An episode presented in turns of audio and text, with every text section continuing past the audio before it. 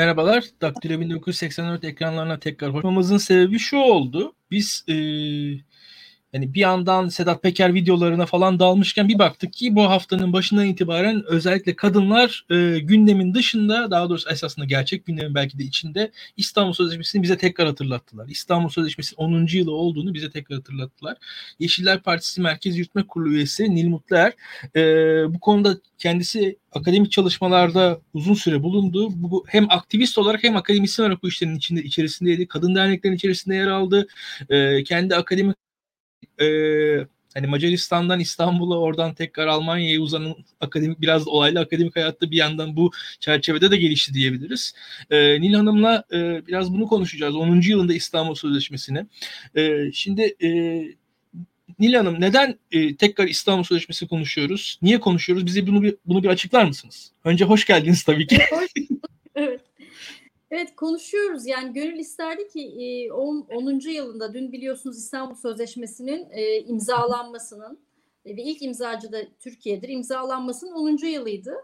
E, ve gönül isterdi ki bunu şenliklerle kutlayalım ne güzel adımlar attık diye ama tam tersine o dönemde son derece bunu onaylayan ve bunun üzerine makaleler ve demeçler kalemi alan Cumhurbaşkanı Erdoğan KYK döneminde e, çıkarttığı işte yasa değişiklikleriyle bir gecede sözleşmeden, uluslararası bir sözleşmeden hani çıktığını söyledi. Tabii bunu bir yandan hukukçular konuşuyor. Bunun hukuksuzluğu işte İstanbul Barası açıklamalar yaptı vesaire.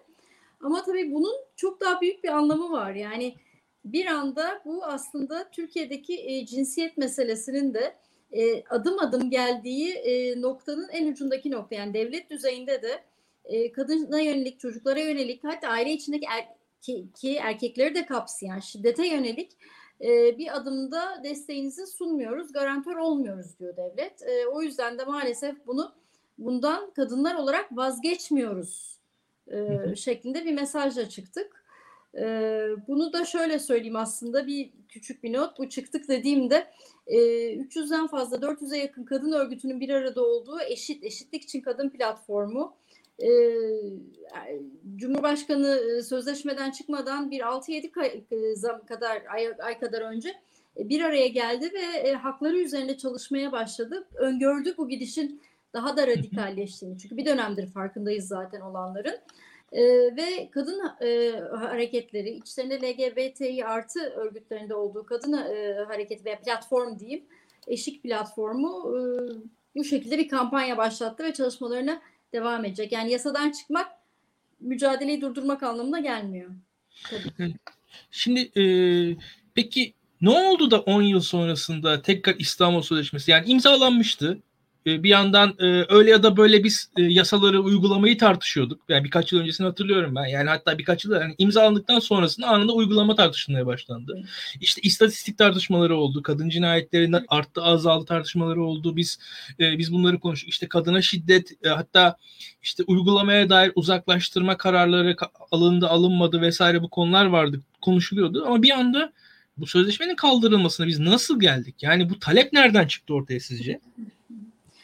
Şöyle bir şey söyleyeyim. Aslında AK Parti'nin geldiği dönemde bu, bu döneme baktığımızda yani e, 2002'de e, ilk geldikleri dönemde e, biliyorsunuz demokratikleşme adına e, birçok yasaların çıkmasına ve demokratikleşme adında birçok yasaların çıkmasına hani vesile olan e, ve hatta bunun öncüsü olan bir partiden bir hükümetten ve partiden bahsediyoruz.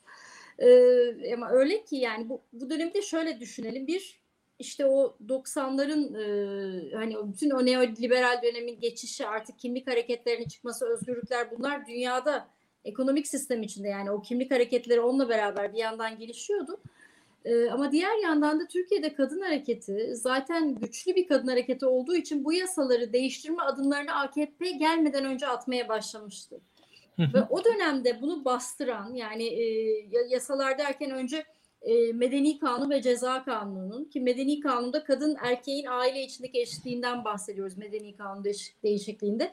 Ceza Kanunu'nda da e, özellikle e, namus saiki ile işlenen cinayetlerin cezai indirimi almaması yani namusun törenin neyse bir bahane olmaması. Bu da ceza kanunundaki değişiklikti ve bu değişiklikleri AK Parti'den önceki dönemde kadın hareketi başladı.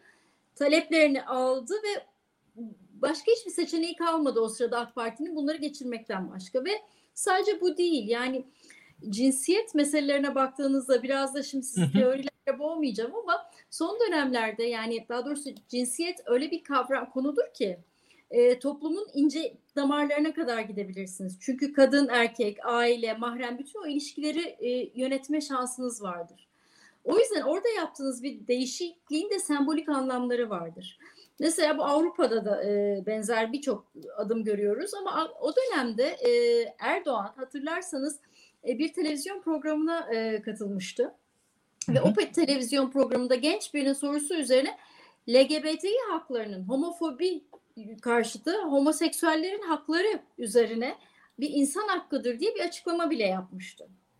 Yani dönem aslında tam da her şeyi destekleyerek başladı. Ta ki e, hem AK Parti yavaş yavaş güçlenmeye başladı. Artık bu tip e, özgürlükçü, demokratik e, dayanışmalara ihtiyacı olmadı bir. İkincisi dünyada da yani bütün bu gelişmeler dünyadaki gelişmelerden de tamamen bağımsız değil.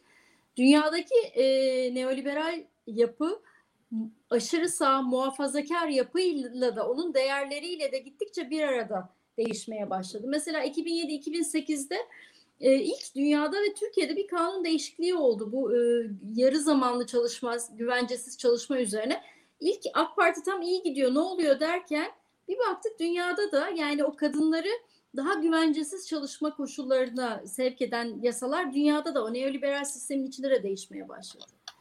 Ama Türkiye'de özellikle 2011 yani AK Parti'nin güçlendiği dönemden sonra e, ve sonrasında adım adım yani işte gezi e, şeysinde e, eylemleri sırasında kadın hareketinin ve LGBT'lerin sadece AK Partilileri değil kendi muhalif erkek egemen söylemlerine dahi müdahil olup aktif bir yer sergilemeleri e, ve, ve yasa değiştirmek ve kanun yapma e, da e, bir güç oluşturmaları gittikçe tehlikeli bir hale geldi.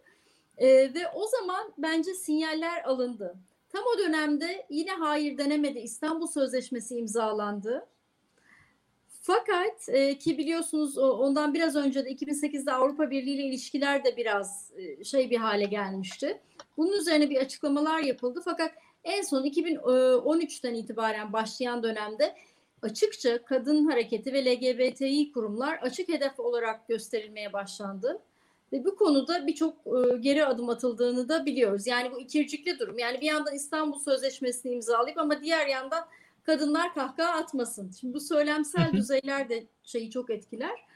E, bu buna doğru adım adım dönüşüm oldu ama bence en büyük kırılma noktası özellikle e, şeyden sonra bu darbe girişiminden sonra 2016'dan sonra e, bütün sivil toplumun ki biliyorsunuz 2013'teki gezi e, eylemlerinden sonra 2014'te çok ciddi örgütlenme yasaları değişti ve çok otoriter bir hale geldi. Hepimizi gözler hale geldi.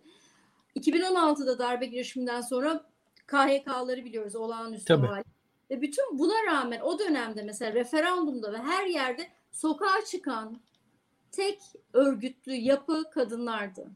Çünkü kadınlar referandum dahil yani mesele sadece cumhurbaşkanlığı sistemi parlamenter sistem değil. Çünkü güçler ayrılığının olduğu bir cumhurbaşkanlığı sistemini de tartışabiliriz. Bu başka bir tartışma.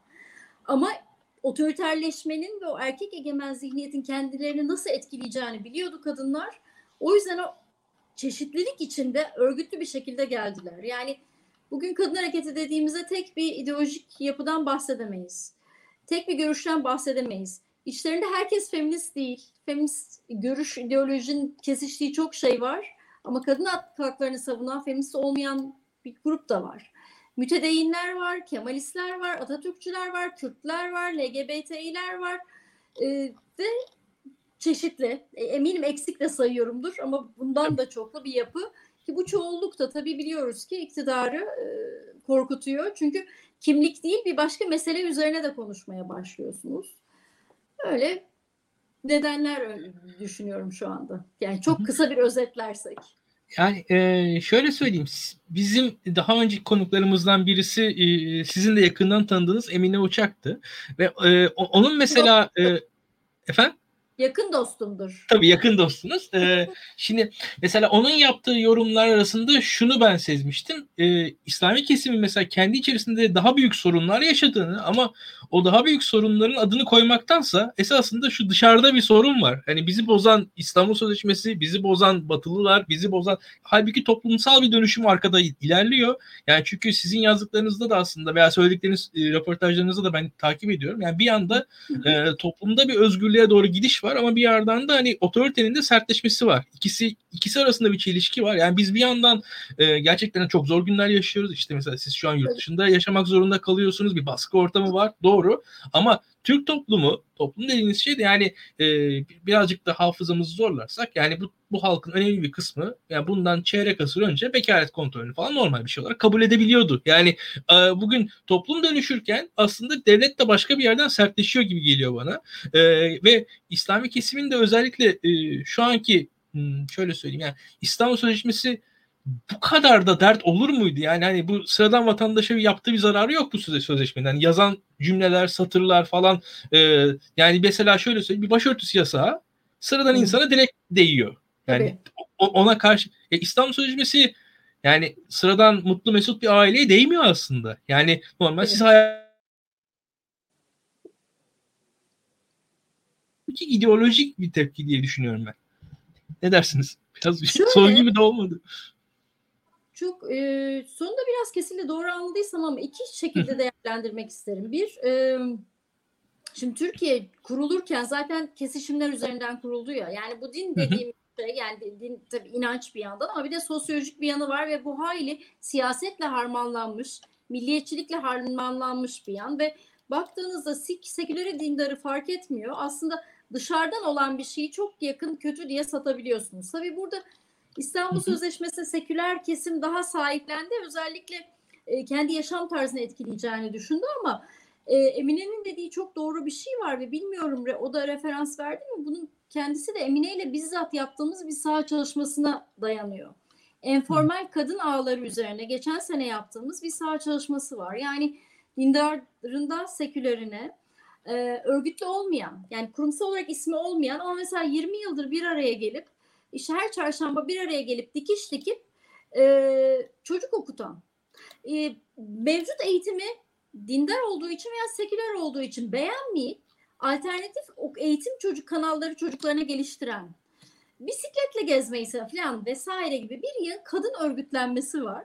Ve bu kadın hı hı. örgütlenmelerin içindeki yapılara baktığınızda çok ciddi değişimin geldiğini ve olduğunu görüyorsunuz. Yani öyle ki mesela demin başörtüsünü siz örnek verdiniz başını bu dönemde açan, kapayan ama tamamen şeyin nedeniyle demiyorum. Bir politik baskı olarak değil. Kendi tercih yani o da bir özgürlüktür tercihi değiştirmek. E, veya e, oy verme trendini değiştiren, e, haksızlıklara doğru sesini artık yükselten ve görüşleri sürekli canlı, dinamik değişen ve gittikçe çoğul bir kitleyle e, haksızlıklara uğradıkça örgütlenen bir kesim de var. Şimdi bu, bu, bütün bunu düşündüğünüzde yani taban bize bunu söylüyor. Benim demin yaptığım size özet aslında siyasi tepede olanın bir özeti bir yanıyla. Bunun tabii ki bir topluma yansıması var. Ama e, o topluma yansıması aslında bugün de araştırma kuruluşlarının yaptığı şeyde görüyoruz. E, anketlerde mesela yüzde 68 filan oranındaydı doğru hatırlıyorsam. İnsanlar İstanbul Sözleşmesi'nden çıkmak istemiyor. Çünkü sizin dediğiniz gibi bunun hiçbirimize zararı yok. Yani tam tersine e, a, aile eğer aile üzerinden bakıyorsanız da ya aileyi koruyan ya aileye yönelten bir yanı var. Bu böyle. İkincisi de şöyle bir nokta var. Niye bunu bu kadar konuşuyoruz? Bekaret kontrolü dediniz çok doğru. Yani bekaret kontrolü baktığınızda aslında yani cinsellikle ilgili regülasyonlar, cinsiyet ve cinselliğe yönelik regülasyonlar, uygulamalar milliyetçi devlet, ulus devletin kendisinin bizzat özellikle 30'lar, 40'lar, 50'lerde baktığımızda bütün kurulan ulus devletlerde ki Türkiye'de bunun bir parçası o modadan geçiyor yani o dönemin yapısı. Ee, tabii ki kadını, cinsiyeti, cinselliği regüle ediyor çünkü aile merkezli ve aile de üretimin parçası olarak görüyor aileyi. Ee, ve fakat buna rağmen her şey çok e, ciddi bir şekilde el altından gidiyor veya şöyle söyleyeyim el altından gitmiyor. Kadın cinayetleri bile oldu bekaret kontrolüne götürüldüğü için cinayet diyorum özür dilerim intiharları bunalıma giren bu bir toplumsal trajedi oldu ama bu e, hiçbir dönemin Cumhurbaşkanı çıkıp bekaret kontrollerini şöyle yapacağız demedi.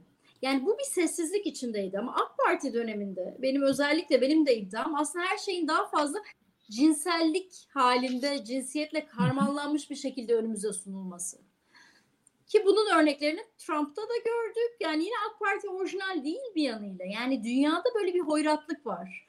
Ee, o mahrem olanın anlamının ve değerlerinin değişmesi var. İşte kadının mesela kahkaha atması. Mine hatırlarsanız dönemin başbakanı iken zannedersem Erdoğan'ın açıklamasıdır. Ben mini etekli birini görmek istemiyorum e, Beşiktaş'taki Karaköy iskelesinde demişti. Şimdi evet. bunun kendisi aslında baktığınızda son derece ayrımcı ve eskiden ayıp ta, ta, yani eskinin tabiriyle ayıp mahrem birinin yani hiç kimsenin söylemeyeceği bir şey olur. Değerlerin değişmesinden ve siyasetin de cinsellik üzerine fazla yorum yapmasından bahsediyoruz. Yani üç çocuk yapacağım, yatak odanızdayım. Her kürtaj bir Roboski'dir. Kürt vatandaşların ölmesi önemli değil. Önemli olan ulusal demografimiz anlamına gelen şeylerin söylenebilmesi. Ee, aslında e, eskiden olan, eskiden beri var olan, belki daha geri olan yasaların şimdi daha ileri olmuş olsa bile siyasi sembol halinde tam tersine daha geri bir noktada yani kadınlar üzerinde baskı yaratan, cinsel özgürlükler üzerine baskı yaratan ve kadının metalaşması ile sonuçlanan bir yere geldiğini görüyoruz. Yani bunu biraz daha açar mısınız? E, çünkü gerçekten de e, şöyle bir şey var. Muhafazakarlık adına hatta yani aileyi korumak adına bir yandan da dediğiniz gibi cinsellik daha fazla konuşulur hale gelmiş durumda. İlginç bir şekilde. E, evet bir de muhafazakar derken şimdi e, şöyle bir şey. Galiba benim hayatım kafamda da iki tip muhafazakarlık var. Yani mesela eskiden muhafazakarlar sağcılara, ideolojilere söylenirdi ama Kemalistlerin de muhafazakar olabileceğini biliyoruz. Yani Doğru. muhafazakarlık aslında bir durumu konumak anlamında. Bir de şunu unutmayalım. E, muhafazakar olmanın adabı değişti aslında. Yani şunu söylemek istiyorum. E, siyasetteki bugün jargonumuzla da çok ilgili aslında ve bence erkek egemenlik bunu da e, son derece belirliyor e, tartışma seviyesi çok düz, düz ciddi bir şekilde düştü ve kavga yani her zaman olurdu belki Türkiye parlamentosunda biraz ama e, gittikçe aşağı doğru inen muhafazakarlığın dilinin değerlerinin de değiştiği bir şeyden bahsediyoruz. Bir dönemden bahsediyoruz. Yani çok ciddi bir değer aşımı, değer kaybı, değerlerin değiştiği bir dönem var. Mesela şöyle örnek vereyim. Bu iki verdiğim örnekten biri. Bir eskiden biz insan hakçılar olarak ve insan hakkı çevresinde olanlar mesela şiddeti, işkenceye karşıydık değil mi? Ama devletle aramızdaki en büyük kavga ne olurdu? O inkar Kanıtlamak ederdi. olurdu. Efendim? Kanıtlamak olurdu eskiden. Aynen. O inkar ederdi, biz ispat ederdik. Ama bilirdi ki işkence kötü. Şimdi işkencenin kötülüğüyle ilgili bir konunun bahsinden öte zaten yaparım bu benim hakkım. Hak etmişse yaparım diyen bir üsluba dönüştü ki bu her alanda bu noktaya gelmeye başladı. Ee, o anlamda da yani eskiden mini etekli birinin Cumhurbaşkanı'nın ağzına dolaması ayıp addedilirdi. Muhafazakar cenahta da bakılmaz addedilirdi. Ama o değer de artık değişti ve hedef gösterebiliyor. Yani öyle bir e, farkın da olduğunu görüyoruz aslında. Ama bu taban bu anlama gelmiyor olabilir çok pardon bir örnek daha. Mesela Tabii. bu erken yaşta evlendirmelerle ilgili biliyorsunuz Kasım 2016'da e, bir yasa tasarısı önerisi verdi. Erdoğan'ın girişimiyle AK Parti. Kadın lobisi hemen faaliyete geçti. Yani hemen çünkü kanunlarla ilgili son derece hassas kadın hareketi ve baskılar vesaire üzerine oylanacağı gün 24 Kasım 2016'ydı zannediyorsam doğru hatırlıyorsam Oylanacağı gün AKP milletvekilleri yeterli bir sayıya ulaşmadı. Yani şunu söylemek istiyorum. Aslında muhafazakar kesimin tabanı da şunu söylüyor. Aile meselelerine bu kadar karışmak istiyor mu çok emin değilim. Yani tabii son dönem seçilmişleri ayrı bir yere koyabiliriz belki. Çünkü AK Parti de yani o başka bir analiz. AK Parti dediğimiz bütün bu şey yapı da kendi içinde heterojen bir yapı ve dönemleri var. Bunda çalışan, detaylı çalışan arkadaşlarımız var. Sahada bizim de gözlemlerimiz var. O yüzden ama Bir dönem e, bence kitlenin de bir cevabıydı bu. Veya kürtaj meselesi. Çok ciddi imamlar ve ikiye ayrıldı grup. Yani o yüzden de herkes bunları ulu orta konuşmaktan çok haz etmediği gibi e, hakları da korumak istiyorlar. Hı hı. Ee, şimdi sizin e, makalelerinizde o kürtaj meselesine değiniyorsunuz. Mesela kürtaj meselesinde yasa değişmese de şu an kürtaja ulaşımın zorlaştığı sizin makalelerinizde mevcut. E, ben onu okurken gerçekten de e, hani benim de tanıdıklarımdan da öğrendim. Gerçekten ulaşmak zorlaşıyor ve belli bir maliyet var teknik olarak. Yani orada aslında kürtaj yasak değil, kürtaj fakire yasak, orta sınıf ve üstüne serbest gibi bir durum var şu anda. Ee, biraz da ben şeye de benzetiyorum. Türkiye tarzı yönetimde yani mesela içkiye konan vergiler gibi bir yandan. Benim aklıma direkt on, onu hatırlattı yani açıkçası. Siz ne dersiniz? Aynen. Yani aslında bir yandan farkında mısınız? Mağdurun mazlumun yanında olacağım derken son derece sınıfsal e, bir yönetimden bahsediyoruz ki bu da çok neoliberalizmin geldiği nokta ama dünyadaki neoliberal halin geldiği nokta. Onda çok haklısınız ve kürtaj meselesinde de Mor Çatı'nın bir araştırmasıdır. Kadın hareketi bu konuda da çok çeşitli araştırmalar da sonra yapıldı. Ee, yani devlet dairelerinde fiilen e, doktorlar e, kürtajı uygulamaktan çekiniyorlar. Bir, hedef gösterilmek istemiyorlar siyasi. Çünkü artık biliyorsunuz maalesef e, devlet kadrolarının kendisi de her alanda adaletten hastanelere kadar, eğitime kadar çok ciddi bir şekilde politize edildi. O yüzden bir, orada dışlanmak istemiyorlar. İki, neoliberal bir uygulama. E, yaptıkları e, işlerden ve faaliyetlerden doktorlar artık puan alıyorlar. Ve kürtajın bir puanı yok. Yani size bir geliri yok. O yüzden artık bunun bakar mısınız yani yaptığınız e, sağlıkla ilgili bir eylemin kendisinin puana tabi olması da bize aslında sağlık sektörüyle ilgili yani cinsiyet konuştuğumuzda hiçbir zaman sadece cinsiyet konuşmuyoruz. Sadece kadınları konuşmuyoruz. Bütün alanları kesen bir yanı var. Yani e, puan puan sistemine getirdi ve bu bunun kendisi de apayrı bir tartışma konusu ki orada da kocaman bir literatür oluşturmaya başladı meslektaşlarım. Yani e, ama bir yandan da şu var. E, bütün bunları demesine rağmen yani üç çocuk istediği kadar üç çocuk dersin. Demografi belli, istatistikler de belli o, orada bir, bir noktaya kadar gelinebiliyor. Hayat gerçekliği de başka bir yere doğru gidiyor. Yani e, aynı şekilde e, yani şu var e, bu tarz müdahalelerin de fiiliyatta aslında hani bir tarafa doğru gemi gidiyor ama o taraf başka tarafa doğru koşturuyormuş gibi geliyor bana iktidar burada. Siz ne dersiniz? Yani e, burada etkili olabilecek mi? Çünkü biz şeyi de hatırladık. Sizin verdiğiniz örnekler sırasında aklıma geldi mesela kızlı erkekli evler tartışılmıştı. O zaman da bir tepki gelmişti.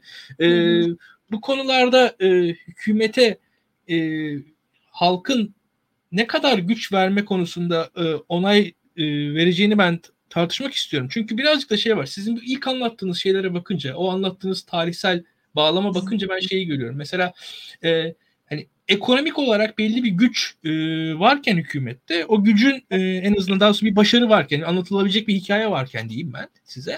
E, o onunla beraber e, o mutluluğu, o belki ekstravagan hali e, herkes karşılıklı paylaşıyor. Ama ekonomik olarak işler sıkıntıya girdiği zaman e, hani olağan şüpheliler hedef oluyor gibi ve o zaman da şu yani kendi genel bir mutluluktan nemalanmaksansa siyaset e, en azından karşı tarafı mutsuz etmekten nemalanıyor. Yani bir şekilde de o zaman e, yani diyor ki ben işte sana pandemide içki içirmiyorum diyor. O seni bir şekilde e, e, içkiyi zaten içmeyene bir katkısı olmuyor bunun ama en azından karşı hmm. taraf içki içmemiş oluyor. O da bir siyaset aslında. E, tersinden yani burada da e, bir yandan da bu tarz baskılar, bu tarz diyelim yani mesela e, yani kürtajın e, erişiminin zor olması aslında belki de tamamen e, diyelim cinsellikten sakınan insanlar açısından bu bu şekilde bir e, pozitif bir şey haline geliyor. Yani tersten e, siyaset. Yani bir şekilde e, karşı tarafın negatifiyle, karşı tarafın e, kay, kaybıyla e, en azından tatmin etmeye çalışıyor tabanını diye düşünüyorum ben. Siz ne dersiniz? Evet ama işte taban da yani tabanını da bir yandan kaybettiğini de biliyoruz. Yani galiba şimdi siyaset konuşmaya başladık ama net bir şekilde tabii Türkiye'de bu kaçınılmaz şey ana akım siyaset. E, tabanını kaybettiğini de biliyoruz. E, ama AK Parti'nin en büyük şansı galiba muhalefetin dağınık olması. O anlamda da o bir kitleyi yani tutuyor. Daha önce de size program öncesinde konuşmuştum. Ee, şimdi şöyle bir şey bu 2000 verdiğiniz örnekler alkol meselesi, kızlı oğlanlı meselesi bütün bunlar aslında bakarsanız bu benim bir te- kronoloji yapmıştım ya AK Parti'nin son dönemine doğru geliyor. Yani en artık aşırı sağ otoriterleşmeye hatta adım adım totaliter hale yani olamıyor bir türlü. Çünkü taban şey yapıyor yani bir şekilde taban o kadar e, da, daha canlı. Ama bu, bu otoriterleşmenin sonuna kadar dolu dizgin bir şekilde gitmeyi hedefliyor ve bunu e, dediniz ya olan şüpheler evet olan şüphelilerden başladı ve galiba Kürt meselesindeki Kürt siyasetindeki politikasından sonra da e, adım adım geri dönülmez ortaklıklara girdi ve o geri dönülmez ortaklıklardan sonra da işin ucu kaçtı ve çok popülist bir yere doğru hani gidiyor. Ee, işte bunu sadece ya bütün şeyde görüyoruz.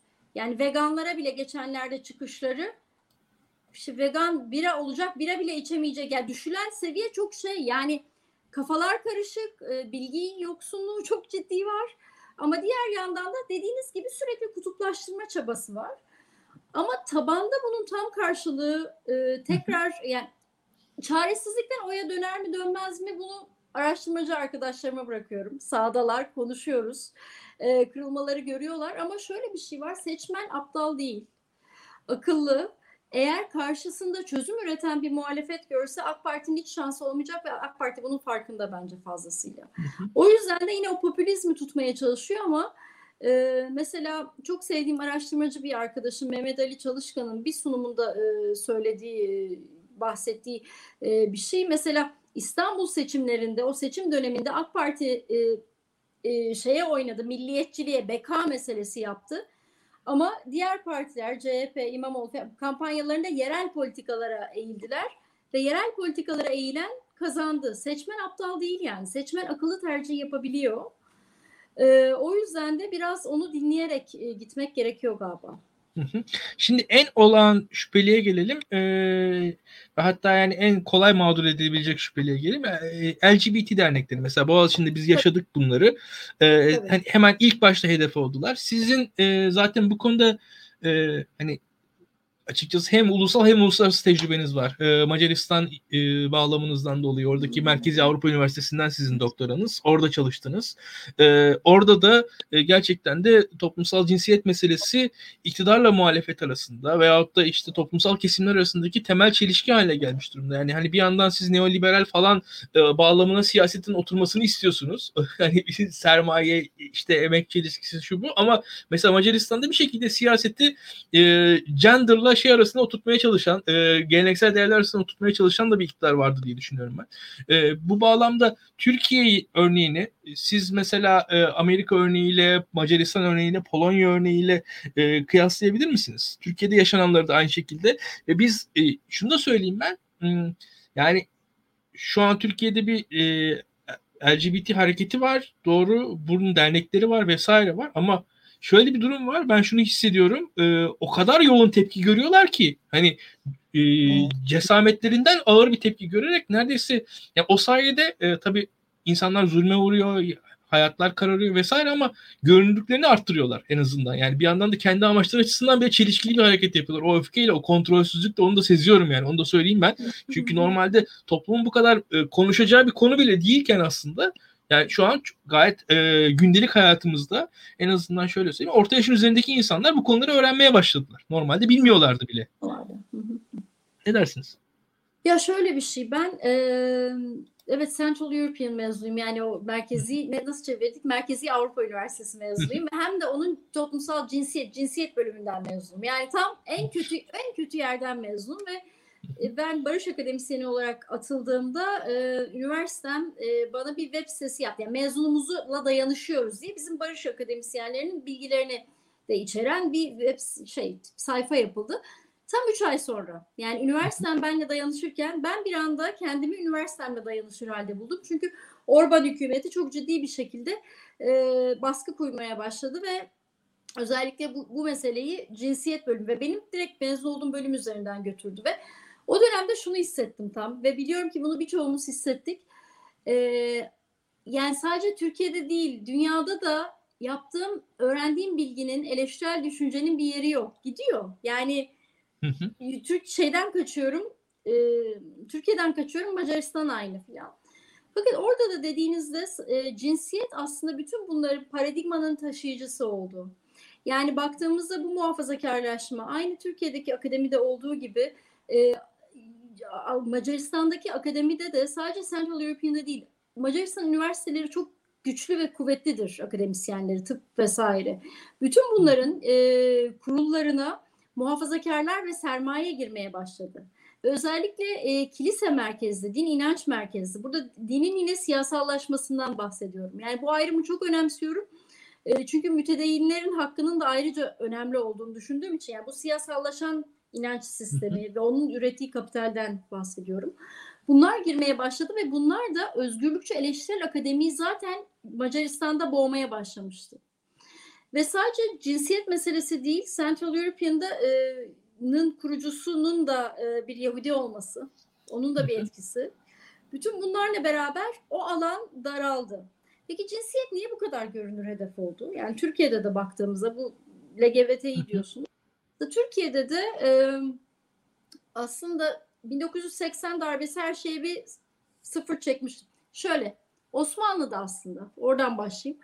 Osmanlı son dönemde feminist hareket gerçekten çok güçlüydü ve herkesin bildiğinin aksine yani e, bunu yazan çok kıymetli kadın e, erkek tarihçi arkadaşlarımız var cinsiyet perspektifinden yazan ama e, eğer orada güçlü bir kadın hareketi olmasaydı partisini bile kuran e, Atatürk hakları kadınlara ver, verir miydi o ayrı bir tartışma konusu. Yani bir erkek mi hakları verdi yoksa zaten orada güçlü bir hareket olduğu için verilmek zorunda mı başladı? Yani belki Türkiye'nin yüzyılı aşkın bir kadın hareketi tarihinden de bahsediyoruz.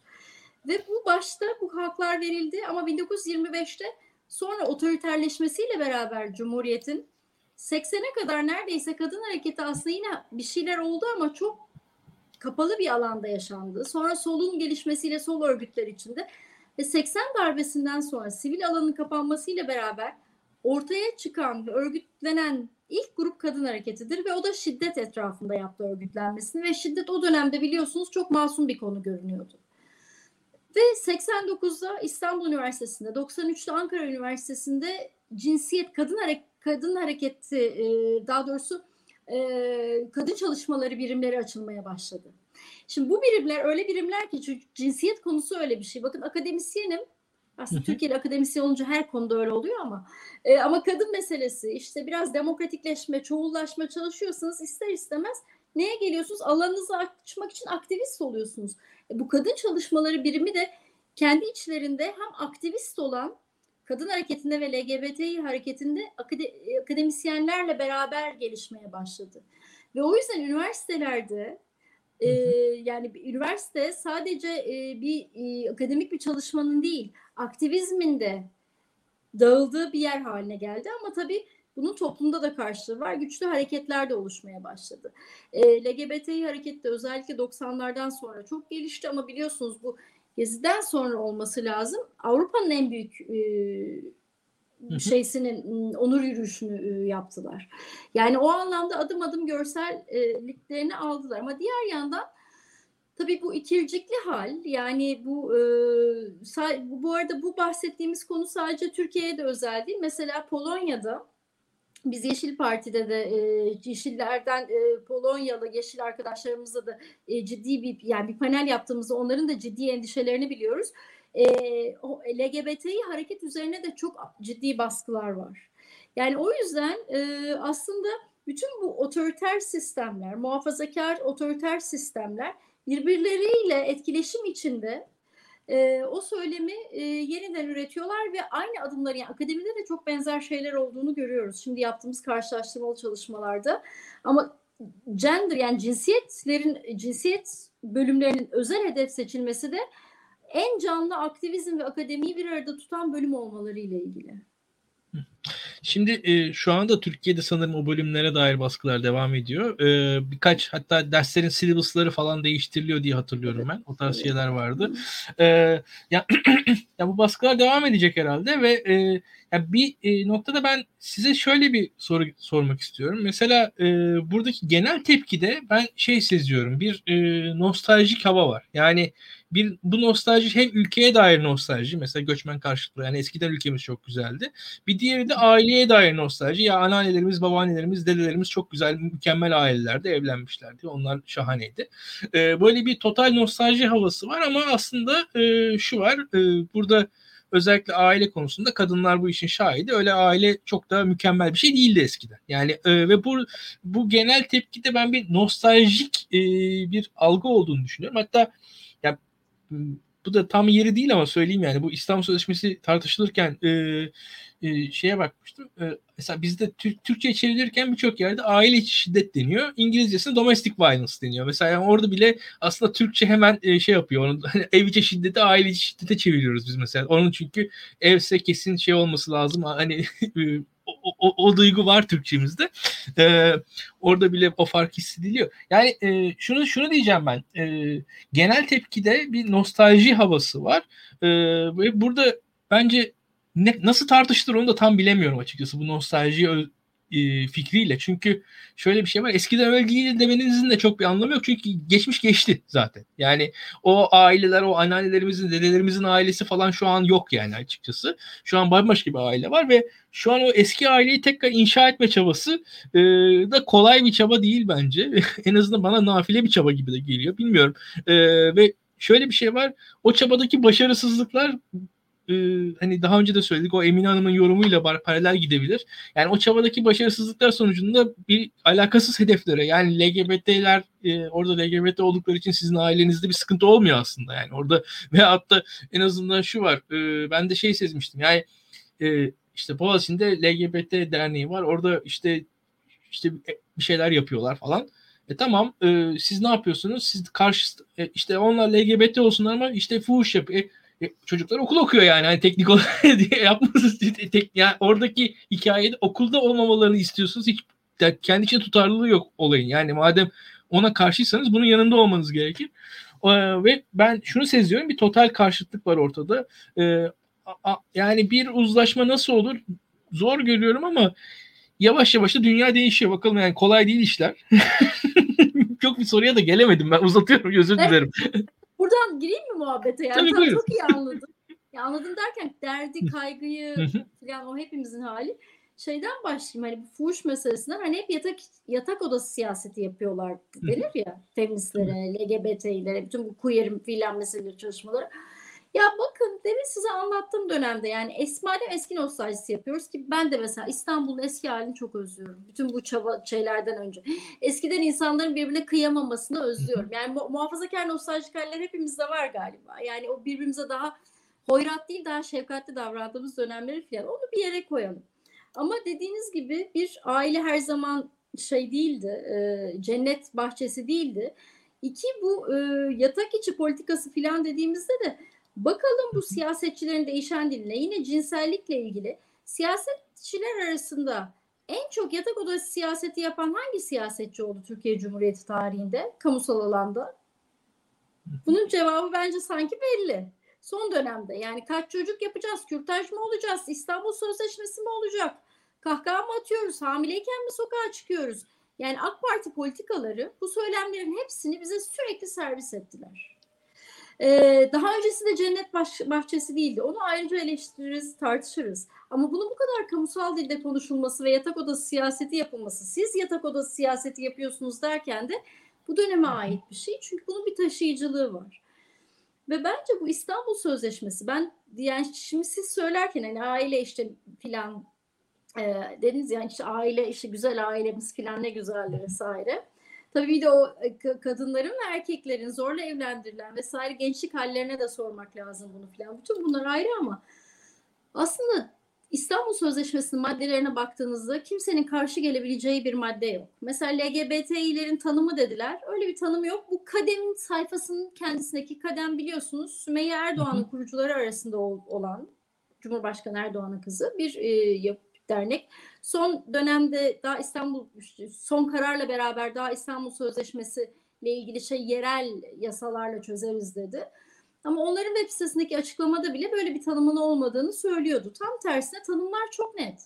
Yani her türlü aile içindeki kadın, çocuk kimse ve aile değil ev içindeki dediğiniz gibi. İşte o ev içindekinde hı hı. cinsel yönelim farklı vesaire de giriyor. Yani her hangi kulsan, insansan nasıl bakıyorsanız artık ne olduğun önemli değil. Ee, şiddete uğrayanı korumak üzere yapılan bir şey. Şimdi bu bu anlamda baktığınızda buna karşı çıkmak aslında sizin ahlaki, bugünkü ahlaki duruşunuza karşı çıkmayı da yüzleştiriyor. O yüzden bir bahane ve kılıf yaratmayı e, öngörüyorsunuz. Yani ben o anlamda bazı kadın hareketine e, bu kadar e, cinsiyet, cinsellikle beraber e, vesaire ve LGBT'le karşı çıkmanın kendisinin as, aslında kendi ahlaki çöküşüyle yüzleşememesiyle de ilgili olduğunu düşünüyorum. Yani yeni bir söylem yaratılıyor ama maddelerin aslına baksa hiçbir muhafazakar ve mütedeyyinin karşı çıkmayacağı maddeler aslında bunlar. O yüzden de yani o yeniyi yaratma e, çabası da e, galiba bizim gibi yani ahlakı da çok kantçı anlamda şey anlamda kullanıyorum. Yani ahlakçılık anlamında değil birbirimizle toplumsal anlamda kurduğumuz hukuk insanlar olarak toplum olarak birbirimizin sınırına saygı duymamız anlamında kullanıyorum. O anlamda galiba bu özlemi duyanlar yani yeni bir sözleşme, kontrat bir arada yaşama, farklılıklarımızla yaşama özlemi duyanlar galiba o nostaljik kırıntılara dokunuyor. Çünkü bu tip şeyler o ahlaksal yüzleşmeye de alan açıyor gibi geliyor bana ama bilmiyorum bu da o yoruma bir yorum olabildi mi? Doğru. Çok çok teşekkürler. Ee, ya burada e, birazcık daha peki e, hani diyelim daha e, can sıkıcı tarafından yaklaşalım şimdi de. E, siz erken yaşta evlilikleri eklediniz. Mesela İstanbul Sözleşmesi'nden sonra belki tekrar gündeme gelebilir. Bunun yanında işte süresiz nafaka konusunda ben yoğun bir tepki mesela Twitter'da olan birisi olarak görüyorum orada. Nafaka yazın hemen gelip e, size nafaka karşılıkları bir anda başlıyor ve bu e, bayağı da muhafazakar bir dille başlıyor bu söylem. Ama bir yandan da bu alt-right söylemler de var yani bu yeni sağ söylemler de içerisinde yerleşmiş durumda. Hatta yani çeviri bir şekilde nafaka karşıtı olan Türkiye'de e, enteresan insanlar var yani çok Türkçe değil, değil yani sözleri bence. E, onun yanında 62-84 özellikle burada e, yasa içerisinde evden uzaklaştırma var. E, evin içerisinde şiddet uygulandığı zaman o tarz onun tartışıldığını ben görüyorum. Çok yoğun bir şekilde 62-84 diye aratırsanız 62-84 mağdurları diye onlara af olsun falan diye bu tarz e, hashtagler falan Twitter'da görebiliyorsunuz. Öyle ilginç ilginç şeyler var.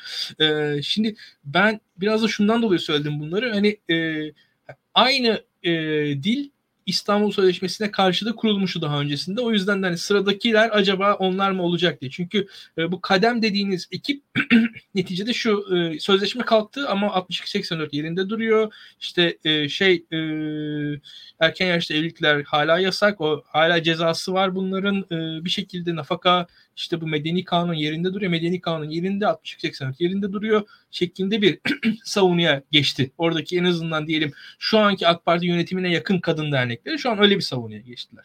Şimdi e, siz bir taraftan e, tüm bu tartışmaları hem kendi bulunduğunuz yerden hem e, bu konuda ne diyelim e, daha hani e, siz, sizin tam karşıtınız bu yasalar kalksın işte 62 mağdurları tekrar e, bir şekilde affedilsin falan diyenlerin yerinden bir de AK Parti'nin ya yakın kadınlar yönünden değerlendirir misiniz?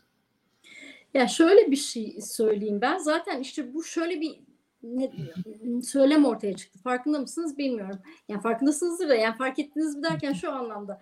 Hemen bir yerel e, Ankara Sözleşmesi lafı çıktı ve şu anda bir komisyon kuruldu e, mecliste. E, ve bunun üzerinden yerel bir sözleşme yapmak. Halbuki dediğiniz gibi 62-84 var ve 62-84 aslında e, 4320 ailenin korumasına dair kanunun e, genişletilmiş ve daha kadınların güvenliğinin garanti altına alınmış hali. Yani o anlamda hani şiddetin tanımı net, kapsamı net, e, işte koruyucu ve önleyici önlemler var. O anlamda aslında tam e, Türkiye'nin parlamentosunun kendisinin çıkardığı e, bir yasa. Yani bu anlamda çok kıymetli ve çok önemli. Yani bunun yereli dışı falan hani yok. O anlamda şey. Ama dediğiniz gibi bu tartışmada şimdi bu da bir tehlike altında. Ama e, ki bu bu yasanın bir önemi de İstanbul Sözleşmesi'nin e, bazı yani ruhaliyeti ruhiyesi gözaltına alınarak kaleme alınmıştı. O yüzden de hani hakikaten çok çok önemli bir yasa bizim için. Ama İstanbul Sözleşmesi'nin önemine ayrıca gireceğim. Ee, ama bu sırada, onda çok haklısınız. Bunda da şöyle e, düşünüyorum ben yani yine AK Parti tabanını genellemiyorum ama mesela Kadem'in yaptığı manevraları düşündüğümde tabii e, bu iktidara yakın olmakla ilgili bir e, alan ve orada işte yereli yaratıyoruz söylemiyle bir yandan şeyin çok farkındalar bence. Yani bu yasalara ihtiyaç olduğunun çünkü bu yasalardan yani daha doğrusu bu kanunların olmamasından Müslüman, seküler, zengin, fakir, okumuş, okumamış, akademisyen, e, işçi, bütün kadınlar etkileniyor ve hepimizin ihtiyacı var ve bütün çocuklar ve bütün aile içinde şiddet gören erkek, herkes herkes için ihtiyaç var buna. O anlamda onun çok farkındalar ve bir şekilde tutmak istiyorlar ama bunu işte o yeni muhafazakar ajandayla nasıl yapabileceklerinin formülünü bulmaya çalışıyorlar söylemde. Öyle görüyorum. Nafaka ile ilgili başka bir durum var. Nafaka ile ilgili aslında e, yine e, Türkiye'de çok dillendirilen bir argümandır. Yani Türkiye Cumhuriyeti'nin kuruluşuna baktığınızda tam da yani medeni kanunun işte 2002'ye kadar düzelmemesi yani ailenin reisinin kadın ve erkek eşit olmamasına baktığınızda e, aslında hiç itirazı olmuyor buna hiçbir erkeğin ve kadının. Yani bunu niçin söylüyorum? E, aslında erkekler cumhuriyeti yani şeysi ve erkekler cumhuriyeti derken erkek yasaları benimseyen e, bir e, erkeklerin ortak işbirliği, ortak avantaj durumu. Tabii bu her erkeğin demek istemiyorum ama işte tam da o nafakayı vermek isteyen, erkek egemen bakışa sahip, e, kadınlar ikinci sınıf gören, e, bu işten hani kaytarmak isteyen, o aile ve çocuğun sorumluluğunu bir yandan aileyi kutsayıp ama diğer yandan sorumluluk almaya gelince onun sorumluluğunu almak istemeyen erkekler için bir ortak kesişim alanı oluyor. Yani bir çıkar alanı. O yüzden nafakanın gelmesi de dediğiniz gibi yine gündemde ve ben maalesef erken yaşta evliliklerin de yeniden gündeme getirileceğinden haylice endişeliyim. Çünkü her ne kadar o, o konuda yasa geçmedi dese, dediysek de hani 103. E, maddedeki bazı değişiklikler, hukukçu arkadaşlarım daha net açıklıyor onları. 12 ile 15 yaş arasındaki evlilikleri rızaya bağladı ve o yaşta bir çocuğun rıza göstermesi evliye bu konuda bir bilinç göstermesi 12, 13, 14, 15 yaşında mümkün değil. E, yani bu tip tehlikelerin daha da genişletilmesi yani bunun daha da e, bu önümüzde olan durum. E, yine e, ben e, tabanda bazı şeylerin çok karşılığının olmadığını ama maalesef e, şey noktasında e, siyasi ana akım siyaset noktasında bunun bir siyasi e, manevra alanı olarak kullanıldığını hani gö- görüyorum. Bu bir. İkincisi de e, İstanbul Sözleşmesi ile ilgili şöyle bir nokta var. Ee, İstanbul Sözleşmesi'nden Türkiye'nin çıkması sadece Türkiye'yi değil Avrupalıları da çok ilgilendirdi. Çünkü İstanbul Sözleşmesi e, insan hakları alanında yapılmış önemli sözleşmelerden biri. Niye? Devletleri önleyici önlemler almaya ve koruyucu önlemler almaya zorluyor. Ve Avrupa'da da tam uygulanmıyor. Bakmayın siz. Yani ben şimdi burada kar, e, karşılaştırmalar, araştırmalar yapıyoruz. Yani yasalar ve uygulamalar anlamında Almanya'daki sayılar, cinayetler hemen hemen aynı. Yani hiçbir şey öyle burada da toz gül bahçesi, dikensiz gül bahçesi değil. E, o yüzden de özellikle demokratlar e, şeyin İstanbul Sözleşmesi'nin çıkmasından çok kaygı duydular Türkiye'nin çıkmasından. Nitekim mesela Polonya 2021'de çıkmaktan bahsediyor filan ve bunun arkasının gelmesinden korkuyorlar. Bu Avrupa Birliği'nin kendi değerleriyle de bir kez daha hani çöküşüne doğru giden bir şey. Çünkü e, İstanbul Sözleşmesi gibi sözleşmeler insan haklarına dayanır sonuçta. E, bu bir. İkincisi e, şöyle bir şey var. E, yani bu, bunu da aslında bu dediklerimi de e, Yeşiller e, Partisi'nin yine yaptığı bir etkinlikte e, Yeşil Avrupa e, Parlamentosu Yeşiller Milletvekili Terry Reintke de uzun uzun anlatmıştı. Yani onlar bundan çok ciddi kaygı duyuyorlar. Ve bilmiyorum farkında mısınız Avrupa Parlamentosu e, konseyi e, e, Venedik e, kons Konsul'la pardon Avrupa Parlamenterler Meclisi Venedik e, kon, Konvansiyonu konvans, konsuluna, konseyine e, bu durumun hukuki olup olmadığını sordu. E, ve bu, bu şu anlama geliyor. Yani eğer e, onlar hukuksuz derlerse Türkiye bunu parlamentoda oylamak durumunda kalabilir. Şimdi bu gelinen parlamentoda bu yani şu son dönemde yapılan bütün bu seçimlerde gelinen noktada yani zaten parlamentonun işlevini maalesef sorgularken çünkü şu gelinen merkezi siyasette parlamento aktivist gibi daha çok yani karar alıcı bir yeri bir yanıyla yok. Ama bir yanıyla da oy çokluğunu hani şeyle o hmm, Cumhur cephesiyle sağlayabilecek bir yanı var. bundan çıkılsa bile bu yine demokratik bir adım olmayacak ve toplumun cevabı olmayacak. Yani o yüzden toplumda e, ben aslında bu yasaların değiştirilmesine çok razı olunduğunu düşünmüyorum. E, tabii nafaka gibi filan ikircikli konularda bu şeyler değişebilir.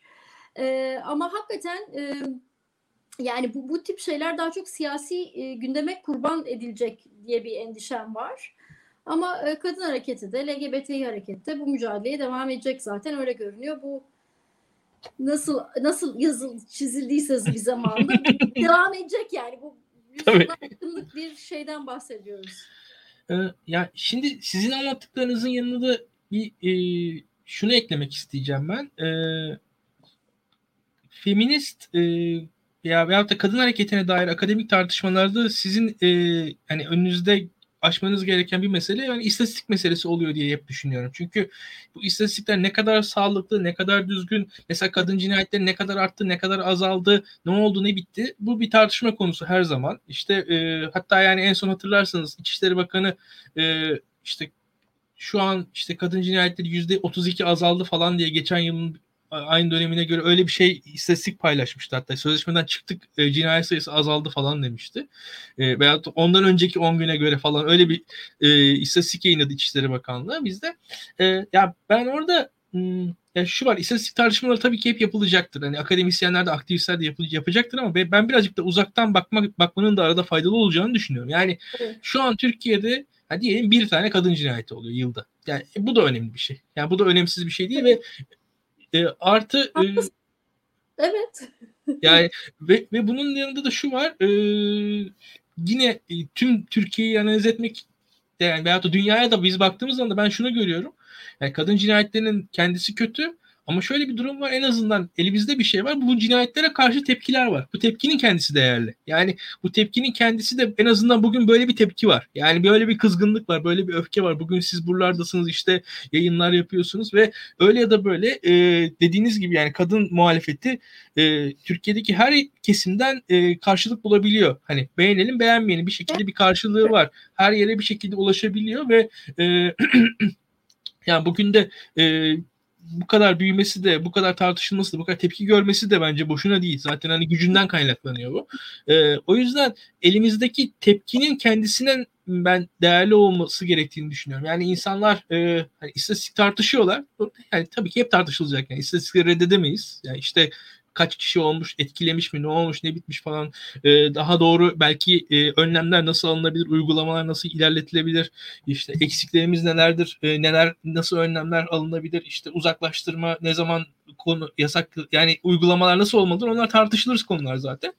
Ama dediğim gibi buradaki tepki önemli ve ya insanlar aslında şu e, o evin içerisinin e, hukukun dışında kalan bir alan olmasını artık insanlar kabul etmiyorlar yani. Ben biraz öyle görüyorum. E, orası da hukukun alanı, orası da e, orası da kanunun, nizamın alanı. Orada orada da haklar e, o evin içerisinde o kapıdan girildikten sonra o hakların insanlar e, haklarından soyunarak girmiyorlar oraya. Yani onun e, insanlar bunu söylüyorlar yani çok basitçe. E, bunun hani e, tek tek bakarsak birçok şeyde görebiliriz yani hani e, işte bu bu işin hani başka e, davalarda falan da görebiliriz. Yani kadın konu yani kadın hakları konusunda şimdi çok örnek vermeyeyim ben de bir, burada sizin karşınızda.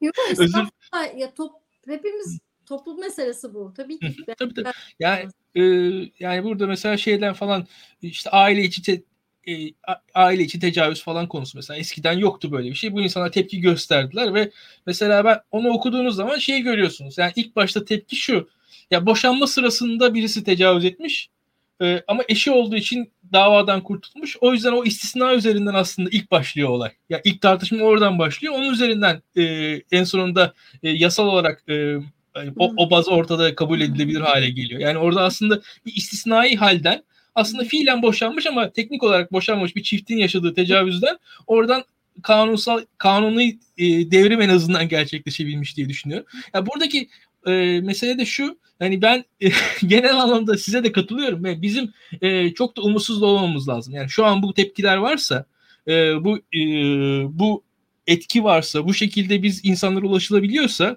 e, birazcık da umutlu olmak gerektiği düşünüyorum. Yani öyle ya da böyle e, bir anlatı, bir söz, bir e, haklılık doğuyor bu, bu tüm anlattıklarınızdan bence. Siz, sizin geleceğe dair görüşlerinizi de alalım. Ben daha da uzatmayayım isterseniz. Biz de Yo, bir saati bulduktan sonra. Tabii tabii evet evet konu büyük.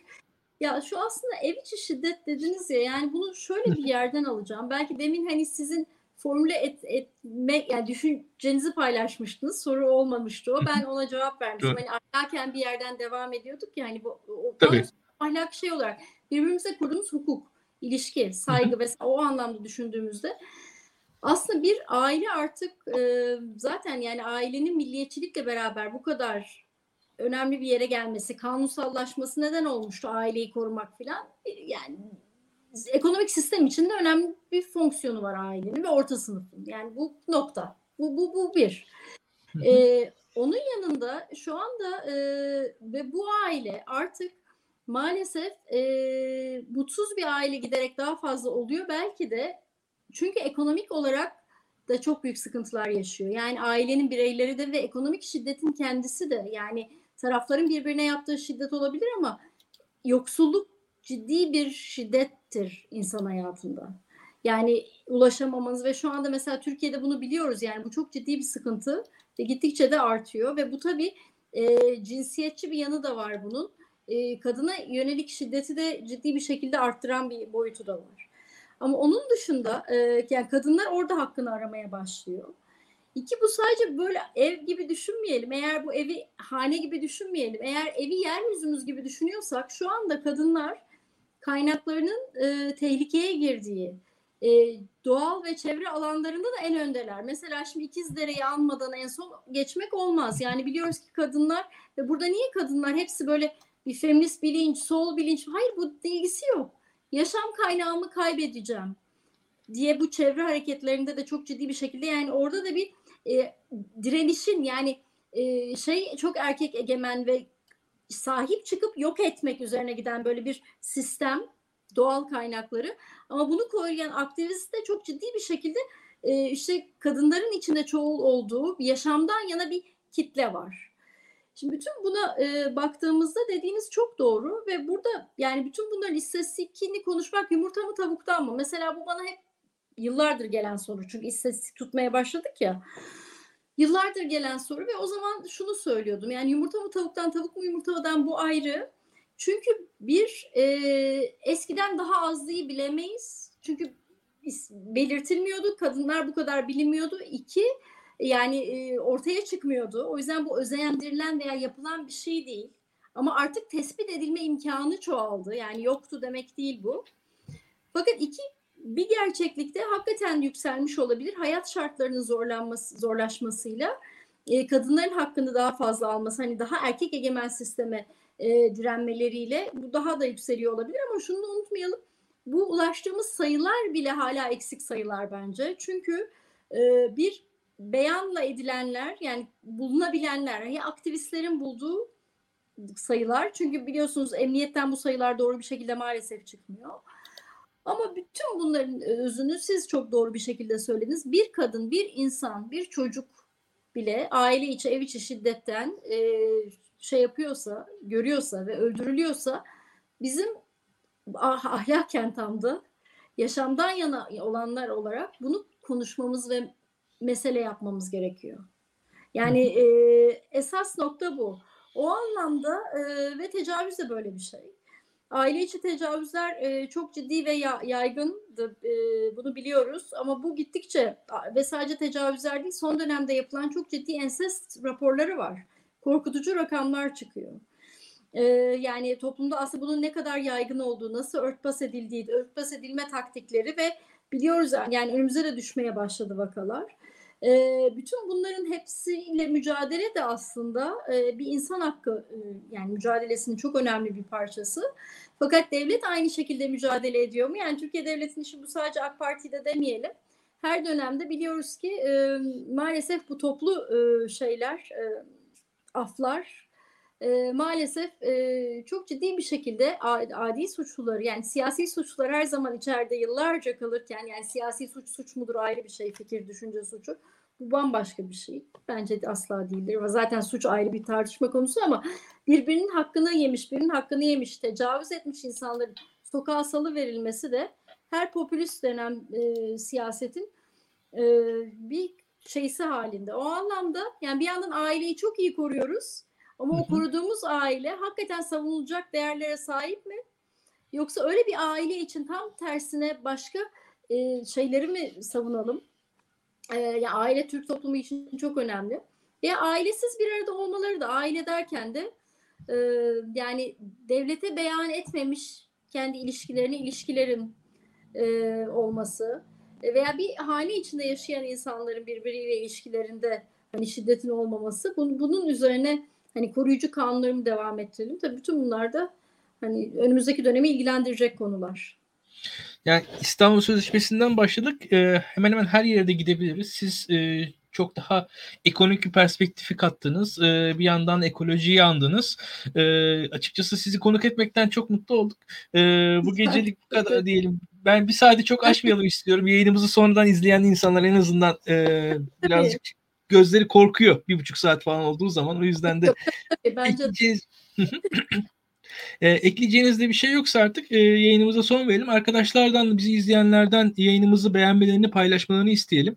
E, bu arada bizim yayınlarımız e, biz de sizi merak ediyoruz. Bizi kimler izliyor? E, açıkçası yayınımızın altına YouTube'da yorum yazarsanız mesela e, yaşınızı, işinizi, bulunduğunuz yeri yazarsanız biz de öğrenmiş oluruz. Bizi kimler izliyor? Biz çok merak ediyoruz.